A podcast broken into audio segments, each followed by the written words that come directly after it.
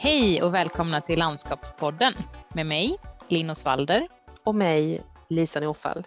Idag ska vi prata belysning och ljusdesign. Precis. Vi har faktiskt varit på ett studiebesök tillsammans igår kväll på Sofiero slott och i deras slottspark där de har en pågående ljusfestival som de kallar för höstljus. Precis, och Sofiero är ju ett slott som ligger precis utanför Helsingborg här på den skånska västkusten. Mm. Vi tänkte att idag så, vi ska dels lyssna på lite små klipp som vi eh, spelade in när vi var där.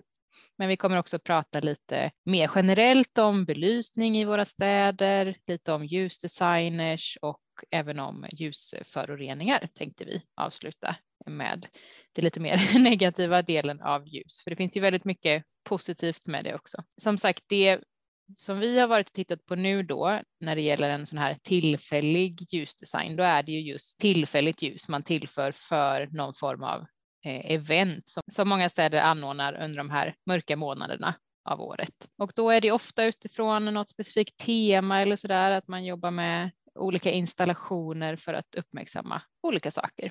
Så på den här eh, ljuseventet som vi var på, Lisa, då, kan du berätta lite om eh, för våra lyssnare vad det var för tema och vad det är för typ av ljusfestival? Ja, men precis. Det är ju alltså ett slott med en väldigt fin slottspark eh, som ligger utanför Helsingborg och eh, jag tror att de började med den här eh, ljusutställningen förra året eh, och att det här är alltså andra året som eh, de arrangerade och eh, temat var då att de här ljusinstallationerna är inspirerade av kronprinsessan Margaretas färgpalett.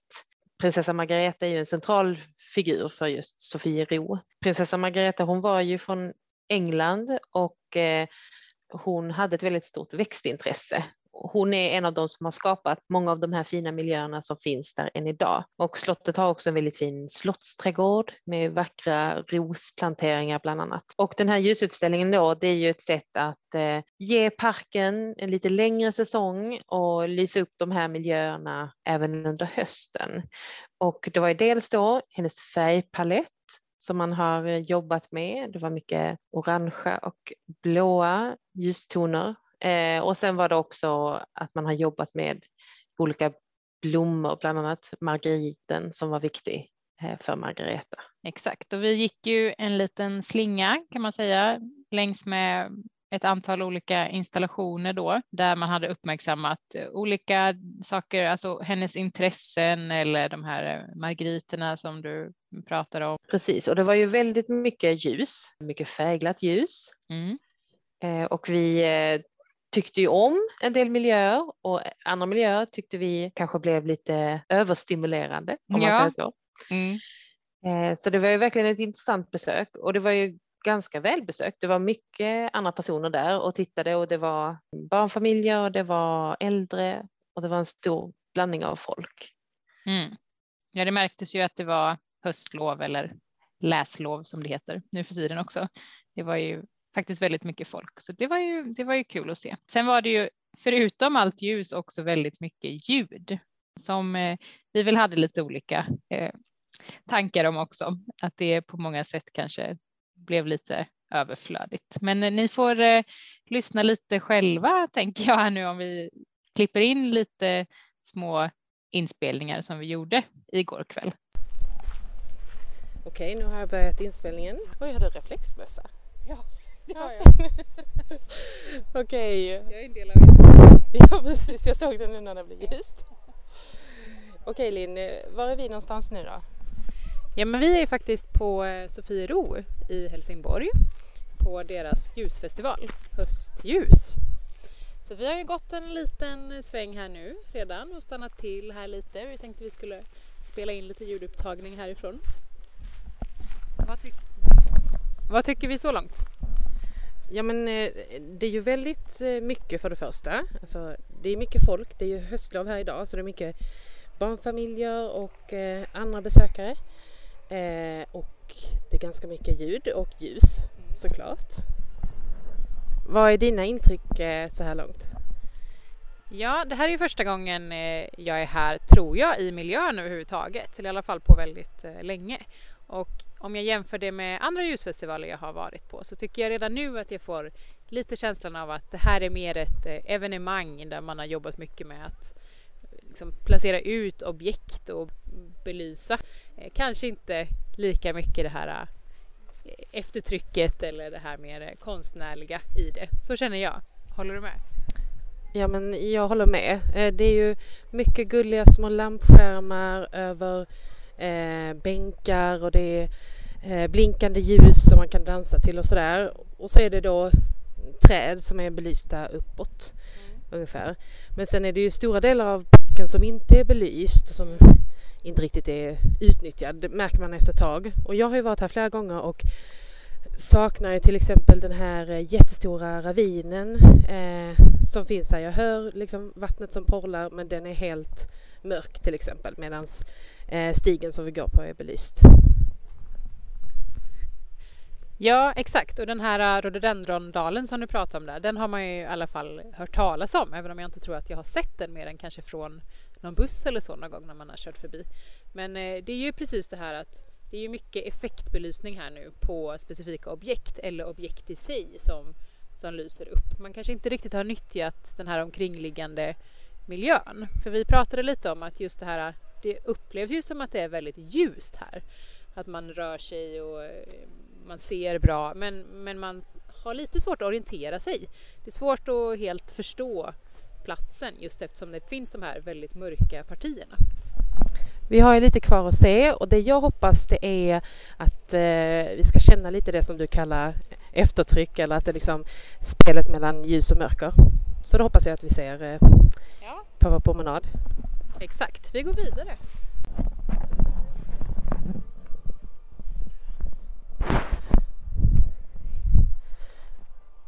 Nu har vi kommit till en eh, väldigt eh, mystisk och spöklik plats i eh, den här utställningen. Ja, det är nästan som man vill eh, viska lite här. Det här var faktiskt riktigt eh, effektfullt. Det vi har gått igenom var som en eh, liksom lite pelarsal av träd som var upplysta. Varannan trädstam var liksom lite upplyst och träden lutade lite åt olika håll. Sen så gick man liksom rakt in i ett eh, ljusrökmoln som också lyste upp en eh, bokhäck är det va? Som de, eh, en, en hög bokhäck som lystes upp med den här röken. Och i bakkant så är det också ett gammalt krokigt träd som inte har så mycket grenar som också är liksom, står mitt ute på en gräsyta helt omslutet av det här äh, dimljuset. Och i övrigt är det ganska mörkt här. Det är också en gång liksom tillbaka mot eh, slottsområdet som är eh, belyst med levande ljus, marschaller som står eh, väldigt rakt och prydligt. Och vi närmar oss ju eh, just själva slottsträdgården. Så att det är de här häckarna som omger oss och det är, liksom, det är lätt att eh, missta för lite kyrkogård nästan med de här liksom eh, små lotterna, eh, odlingslotterna och mycket häckar och eh, med olika öppningar i. Ja, det var riktigt häftigt det här. Det här var coolt.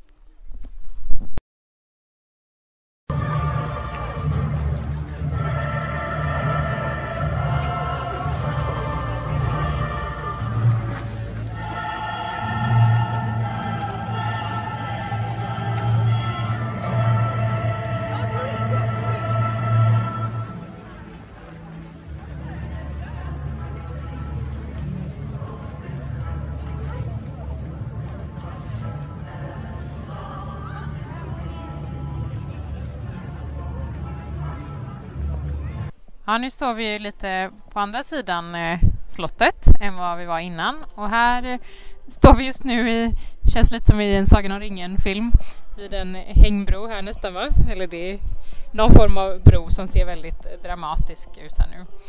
Eh, ni hör musiken i bakgrunden. Ja, det är, som, som du sa Lisa, det känns lite som att man har maxat på väldigt mycket ljud här också för att eh, försöka ge ett eh, ännu större liksom, eftertryck i detta, som att ljuset inte räcker till. Men det, det ser väldigt eh, dramatiskt ut här nu i bakgrunden tycker jag i alla fall. De här träden som är, är upplysta, egentligen mest stammarna är upplysta med vitt ljus. Det, det är väl det som är det, den enklaste ljussättningen här som eh, på något sätt blir mest dramatisk tycker jag. Ja men absolut. För det är ju så att nu är vi vid den här andra lite större ravinen och eh, här är det ju ljusat nere i mm. och det är också liksom, det är olika färger, det är rött och det är blått och det blinkar till den här domedagsmusiken. Mm. Eh, och det blir ju en speciell upplevelse men precis som du säger, man skulle ju kunna man skulle ju kunna tänka sig ett lite mer avskalat alternativ här som också hade funkat fint. Mm.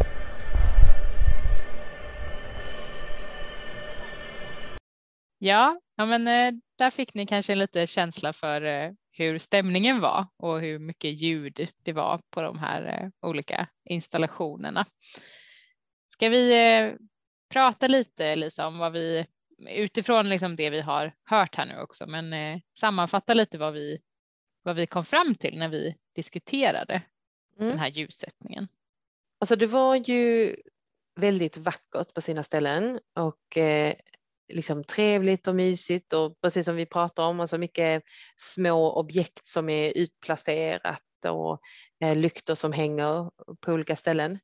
Eh, men det blev ju också väldigt mycket ljus och väldigt mycket färger och ljud som, som var närvarande hela tiden. Alltså, mot slutet där så hade man hört den här musiken eh, flera gånger. och Det störde lite liksom den andra sensoriska upplevelsen som man ju faktiskt har när man är i sån här spännande ljusmiljö. Och eh, det var ju lite synd. Ja, för det kändes nästan som att allt det här ljudet var liksom tillagt för att verkligen skapa en effekt och eh, försöka lyfta ljusdesignen ännu mer, vilket vi kanske tyckte blev lite för forcerat och att det liksom snarare vände åt andra hållet och blev för mycket.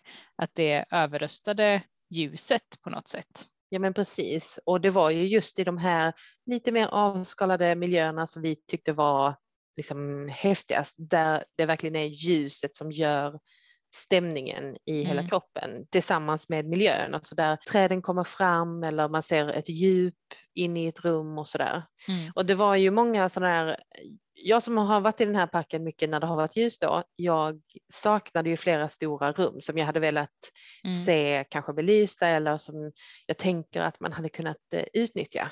Mm.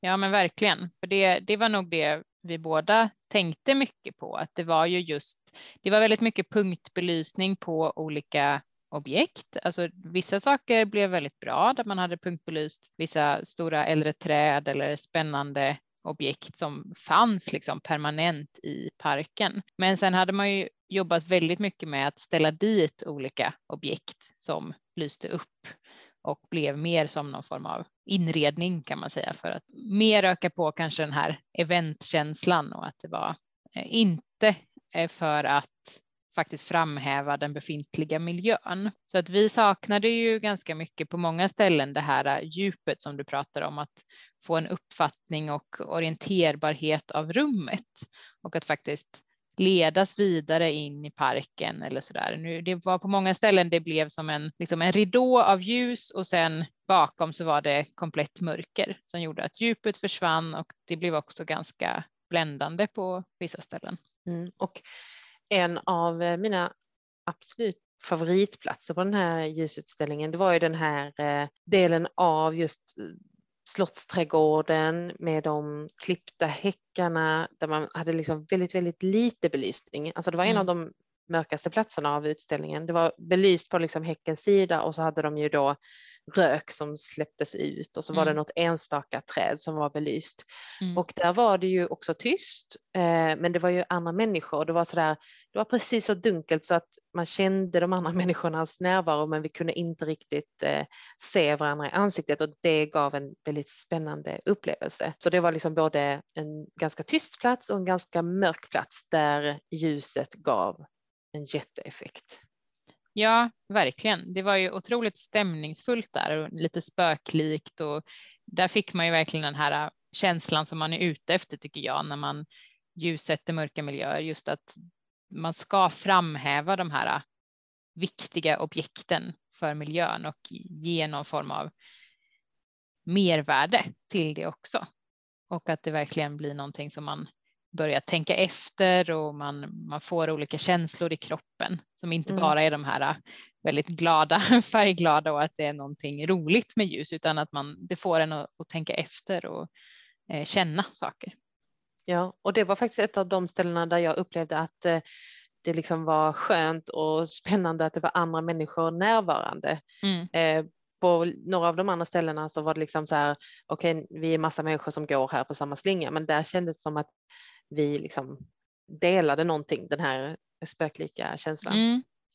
Ja men verkligen och där var det ju också faktiskt så att det inte var så mycket olika färger av ljus utan det var ju det här lite vit eh, orangea eller det var väl kanske vitt ljus som lyste mycket på de här orangebruna boklöven i häckarna och sånt som gav det en väldigt också harmonisk eh, ljusupplevelse. Det var inte alla de här eh, väldigt starka färgglada kulörerna utan det var lite mer avskalat.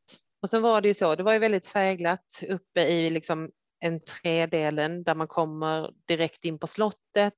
Slottet var belyst hela fasaden med eh, ett eh, blått och orange margeritmönster och sådär. Mm. Så det var, där hände väldigt mycket med färg och där blev det ju ganska mäktigt med färgen. Men sen eh, gick vi lite längre ner till den här eh, lekområdet som finns lite ner mot vattnet till och där var det också väldigt färgglatt eh, ljusat men på ett helt annat sätt som ju mm. faktiskt funkade väldigt, väldigt bra. Mm i just den här lekmiljön. Mm. Och då var det ju, där står en stor liksom, eh, ett stort lekredskap och där också små stugor och en liten lekskog och så. Och så var det just i den eh, uppröjda skogen där det är de, liksom, som en pelarsal så var ju varenda individuell trästam upplyst i en kulör som mm. var liksom grön och rosa och röd och blå och så där väldigt eh, som en sån här färgkritask. Ja. Och eh, just för den platsen så funkar ju den här eh, blandningen av färg väldigt bra. Mm.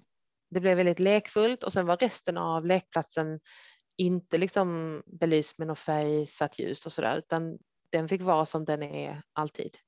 Ja, exakt och det tyckte jag var ett av de, de rummen där de hade verkligen lyckats med det, att belysa själva parken och inte objekten i sig. De här lekredskapen var liksom i, i mörker, men genom att belysa stammarna runt omkring och det var lite ljusslingor uppsatta runt omkring de här objekten så gjorde det också att man leddes fram till lekutrustningen, men utan att det blev så självklart att just de skulle belysas. Eh, och det var också något lekhus där man hade belyst inifrån så att det var lite rörelse i fönstren, men man kunde inte se in vad det var som hände. Det var också väldigt spännande och lite mer så där subtilt och att det blev någonting som tillförde miljön på ett lite djupare plan så att säga. För att det var en del ställen, bland annat det du nämnde med slottet där man hade belyst fasaden i ett sånt här margeritmönster då. Eh, och det var också på något ställe man hade hängt upp bandyklubbor i, i trädet, att det blev lite för rakt på på något sätt. Det blev Eh, det fick inte det där djupet i att man själv skulle börja fundera kring vad budskapet var, utan det var väldigt svart på vitt att eh, ja, hon gillar den här typen av blommor, vi belyser med det. Eh, eller hon tycker om att spela bandy, vi hänger upp bandyklubbor i grenarna. Vi uppskattade ju väldigt mycket de delarna där vi kände att det fanns ett lite mer djup och lite mer eftertanke i just installationens eh, sätt att belysa olika teman. Och en viktig del av Sofieros slottsträdgård det är ju de här branta ravinerna som mm. går liksom eh, längs den här eh, parken och sluttar ut ner mot Öresund. Då. De är ju planterade med eh, rhododendron som har blivit väldigt, väldigt stora för de har stått här länge. Och eh, i en av de här ravinerna kan man till och med gå där nere längs vattnet och så där. Och det är en av de här sakerna som många åker till Sofiero för att uppleva.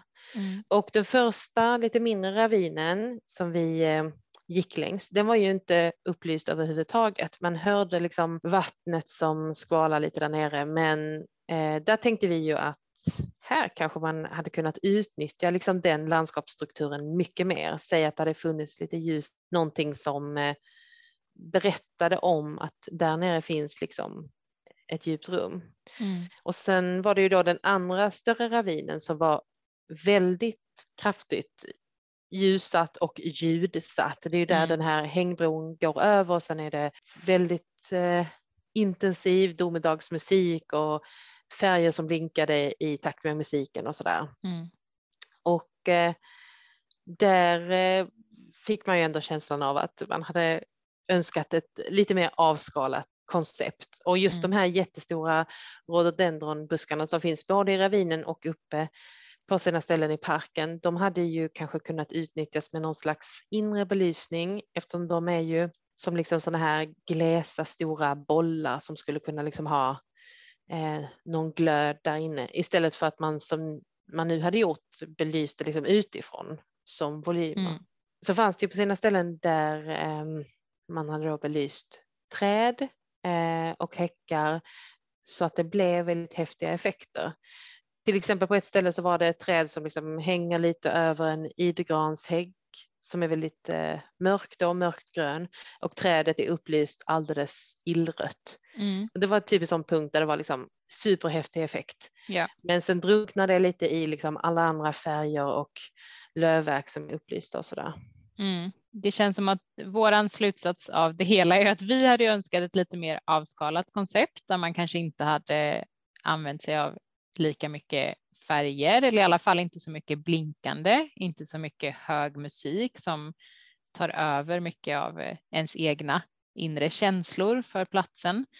Och vi uppskattade ju verkligen där man hade mer framhävt olika strukturer, till exempel i träden. Det var väl någon eh, va? där man hade belyst eh, den här liksom strimliga stammen så man verkligen såg dess struktur och även bladverket uppe i eh, höga bokträd där man verkligen kunde urskilja varenda liten detalj i lövverket. Och det, det gjorde ju verkligen att eh, man kände att men här tillför det ju verkligen någonting för att framhäva naturen på ett sätt. Ja, men jag tänker för att det är ju en väldigt, väldigt, väldigt vacker park mm. och eh, absolut bäst var den här utställningen på de platserna där man hade använt liksom ett avskalat, enkelt vitt ljus och jobbat mycket med att få fram strukturer och färger och karaktärer på det som liksom finns där.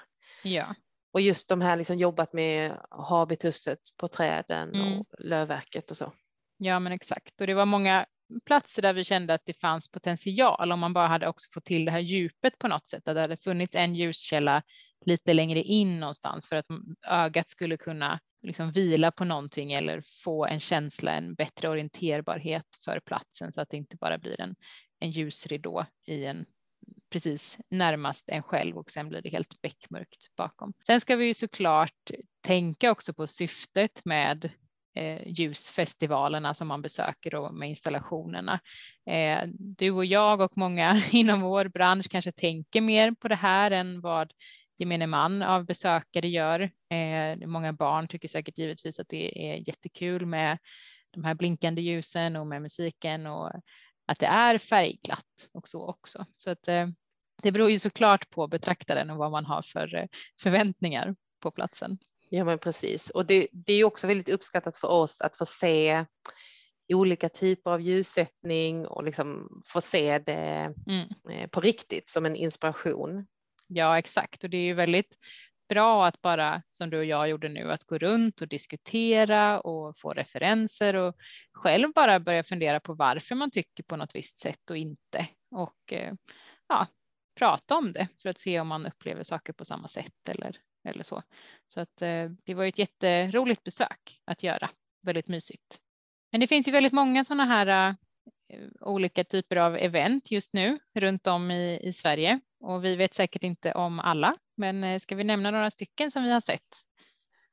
Ja men precis, eh, bland annat har vi ju eh, läst lite om den här som heter Allt ljus på Uppsala som pågår nu den 4 november börjar den och pågår till den 21. Mm. Eh, och det är lite olika ljusverk som eh, lyser upp stadskärnan som de skriver. Eh, så alla som är i närheten av Uppsala kommer kunna njuta av eh, den här. Jag vet att det finns en hemsida där det finns liksom lite karta och information och sånt där för den som vill veta mer. Mm. Sen har vi också Norrköping Light Festival. Ja. Den har de gjort innan också, i alla fall eh, Mm. Förra året att kommunen arrangerade det Mm. eh, tillsammans med lokalt näringsliv och sådär. Och det kommer också vara liksom ute i stadskärnan och öppet eh, för alla. Och det finns mer information på Norrköpings hemsida. Och sen när jag har kollat lite på nätet så är det så att det finns, eh, verkar finnas en del eh, sådana här ljusfestivaler också i mindre orter som Borgvik så jag hade en och eh, sådär. Så jag Mm. tänker att vi kan uppmuntra alla att kika lite. Vad har jag runt omkring mig och eh, kanske kan jag eh, åka och titta på något sånt där. Mm. Ja, men exakt. För det är ju en väldigt, en väldigt mysig höstaktivitet att göra tillsammans Ja, med familj precis. eller vänner. Så Och man det- får ju ändå uppskatta att det är ett sätt att komma ut under Mm. en period av året där vi inte är så mycket ute i parker, särskilt inte på Ja. kvällar och sådär, eller Mm. ute i stan.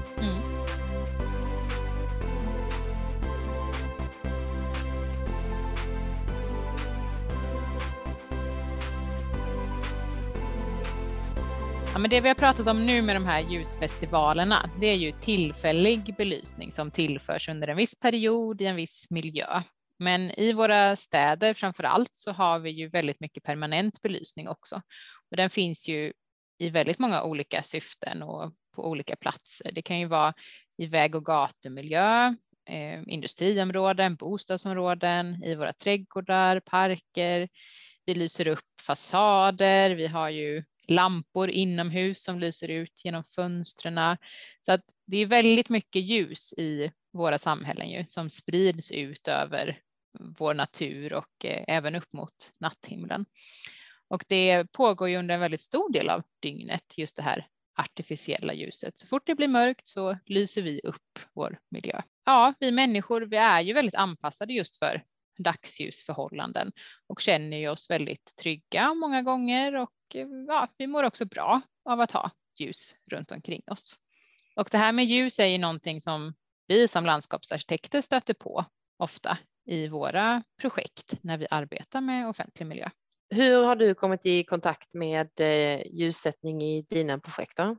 Ja, nej men jag har ju alltid tyckt att det varit väldigt spännande med ljus och ljusdesign och har ju försökt att få vara med lite i den typen av projekt. Eh, som student redan så skrev jag ju mitt kandidatarbete om eh, ljus kopplat till trygghet i eh, Central Park i New York. gjorde jag en fallstudie om. Och sen har jag ju också varit med ett år och skapat installationer på Lights in Alingsås tillsammans då med kända internationella ljusdesigners som var där och inbjudna då och hjälpte oss med att skapa de här installationerna till ljusfestivalen. Så att jag har ju alltid haft det här intresset och också under mina tidigare anställningar då jobbat eh, ganska nära ljusdesigners i vissa projekt och har ju också själv arbetat rent konceptuellt lite då med ljussättning i olika projekt. Men jag tycker ändå att det är värt att prata lite om ljusdesigners, alltså bara nämna dem som, som yrkeskategori, för jag tycker också att jag märker det mycket bland våra studenter nu, att det är många som har ett intresse för ljus och man vill gärna arbeta med ljus i sina projekt och tycker att det är spännande och intressant och så där. Men det är ju faktiskt en egen eh, utbildning. Det finns ett kandidatprogram på Jönköping universitet där man blir då ljusdesigner. Och jag tänker att det är viktigt att bara lyfta fram det, att det faktiskt är en, en egen yrkeskategori och att vi som landskapsarkitekter självklart har liksom touchat det här ämnet på många sätt och liksom vi har mycket saker gemensamt kring att liksom tänka estetiskt och gestaltning, utformning, rumslighet och så vidare. Men det är ju väldigt mycket kunskap som vi saknar i ljusdesigners värld så att säga. Eh, och det tycker jag ändå är, är viktigt att eh, ha med sig, att vi behöver också ha med den typen av kompetens i de projekt vi arbetar med.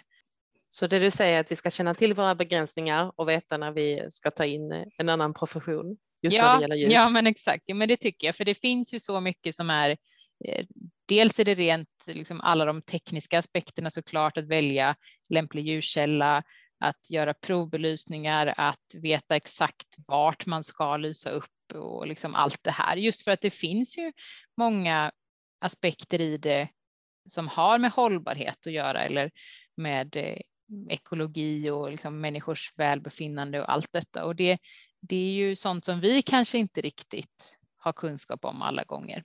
Det är inte bara att belysa det som man tycker ser fint ut, utan det finns ju väldigt mycket bakomliggande faktorer kring det. Du eh, nämnde ju det här med just ljusföroreningar och light pollution och hur det påverkar landskapet och ekosystemen och sådär. där. vad ska vi vara uppmärksamma på där? Ja, ja men, och det är en väldigt viktig aspekt. Alltså just det här med ljusföroreningar, det, det sker ju då när vi har en överflödig belysning, alltså att vi använder det och ljuset riktas på ett eh, ineffektivt sätt och lyser upp liksom mer av omgivningen än vad det faktiskt är tänkt eller vad det faktiskt behöver göra. Och där är ju en av de viktigaste åtgärderna att faktiskt se till att rikta eller skärma av ljuset så att ljuskällorna inte lyser uppåt mot natthimlen. Eh, för belysning kan ha väldigt många negativa effekter både på biologisk mångfald och ekosystem funktioner, men de kan också ha många negativa aspekter för våran mänskliga hälsa också. Och när det gäller många djur så är ju de nattaktiva. Det finns många däggdjur, groddjur, insekter som är också beroende av mörker eller i alla fall att de har väldigt svag belysning just för att de ska överleva, för att de ska kunna jaga, hitta föda, orientera sig och så vidare. Många fåglar som kan orientera sig fel när det är för upplyst till exempel. Så att det är ju sånt som vi verkligen måste måste tänka på att det påverkar inte bara oss själva utan ekosystemen i stort. Och där kan det till exempel vara så att det blir viktigt för oss att tänka på gestaltningen i större områden för att kanske skapa de här mörka korridorerna där också djur kan röra sig och överleva. Vissa naturmiljöer kan också vara särskilt känsliga för ljusföroreningar som kan få väldigt stora då, eh, effekter och hota skyddade områden eller olika arter. Det kan ju också vara så att det är väldigt svårt att utföra olika observationer i rymden, eh, alltså där man behöver studera eh, rent vetenskapligt, att det har man ju också fått, liksom fått flytta ut till så avskilda områden som möjligt för att man ska kunna ha den möjligheten, alltså att ljuset inte ska störa de här observationerna. Så man kan ju kalla det lite som att så allt vårt artificiella ljus som blir det här äh, extra ljuset som bara flödar ut äh, upp mot himlen, det är ju att vi smutsar ner och vi, vi förstör äh, nattmörkret och förorenar det på samma sätt som vi förorenar vår jord på andra sätt. Och det är kanske inte alla som tänker på det. När vi pratar ljus så tänker vi ofta på just trygghet och vara ute i miljö kvällstid och sådär. Mm. Vad tänker du om det? Ja, men det, det, är ju en väldigt intressant fråga och som sagt, det var ju det jag skrev mitt kandidatarbete om delvis och jag gick faktiskt in och tittade lite på vad jag eh, drog för slutsatser av det. Det var ju många år sedan här, men eh, det jag delvis kom fram till där var ju just det här att ja, tryggheten är väldigt kopplad, eller jag ska säga att ljus är ju väldigt kopplad till hur vi upplever trygghet på många sätt, men det kanske till och med ibland är lite för starkt kopplat. Tryggheten i sig grundar ju sig i så mycket annat i samhället som handlar om allas eh, rätt till att känna sig fria, att röra sig i, i miljöer, att inte ha den här rädslan. För det är ju inte mörkret i sig som vi är rädda för många gånger, utan det är ju oftast andra människor som vi är mm. rädda för. Så att det är ju på så sätt en en diskussion som borde föras väldigt mycket på ett annat plan, tycker jag. Så ljus eh, kan vara lite överskattat när vi pratar just trygghet, att ofta är det andra, i andra delar av samhället som liksom problemet finns. Ja, ja, det är ju inte överskattat, för det är klart att, att ljuset ger oss en trygghet och att det också bidrar till trygghet på många sätt och framför allt bidrar det också till säkerhet som är ett annat eh, centralt begrepp. Men, men, eh, men ja, det finns ju många andra delar som, som borde eh, ges större utrymme i det.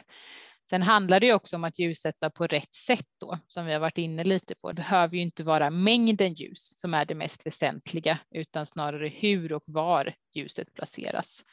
För att vi inte ska få den här äh, känslan mellan ljus och mörker, att det blir så tydliga kontraster, utan ljuset kan ju, alltså ett fel riktat ljus eller en, en belysning av en park kan ju också ge motsatta effekter genom att det blir bländande eller det skapas väldigt mörka partier. Så det handlar ju väldigt mycket om kunskap om hur och var man ska belysa istället för att belysa så mycket som möjligt. Mm. Men jag skrev lite också då om light pollution och jag tyckte det var ganska intressant när jag läste det nu att det är väldigt mycket av ljuset från våra städer som kommer från reklam och från reklampelare och, och liknande då.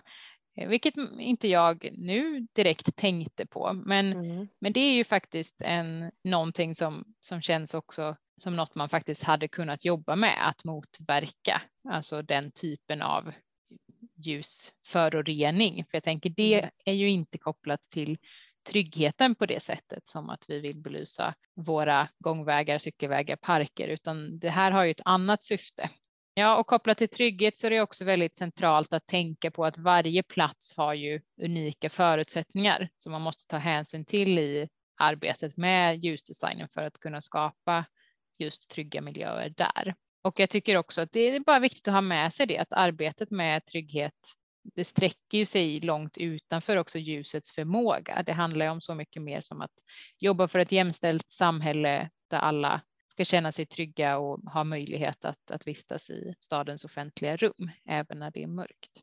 Ja, men precis. Och det har ju också mycket med de rumsliga förutsättningarna att göra såklart och eh, hur staden är uppbyggd. Ja, ja men absolut. Och där kan ju vi som landskapsarkitekter gå in och arbeta på ett annat sätt gestaltningsmässigt också med andra aspekter än just ljus då. Det kan ju handla om vilken typ av vegetation vi väljer att använda, vad det ska finnas för olika typer av vegetationsskikt på en plats, hur siktlinjerna ser ut, hur rörelsemönstret ser ut generellt. Vad finns det för entréer? Vad finns det för möjliga vägar att ta sig åt olika håll? Mm. Så att trygghetsfrågan är ju så mycket mer än just ljuset. Ja, så eh, vi hoppas att ni kommer att ge er ut på någon ljusfestival här nu under hösten och vintern. Och eh, jättekul om eh, ni skickar en litet mejl eller någonting till oss kanske om ni har varit någonstans eller med någon, någon bild på någon kul inspiration eller så, så eh, är ju det jätteroligt att få ta del av. Och ni vet ju att ni hittar oss på Instagram där vi heter Landskapspodden eller så kan ni mejla till landskapspodden slu.se.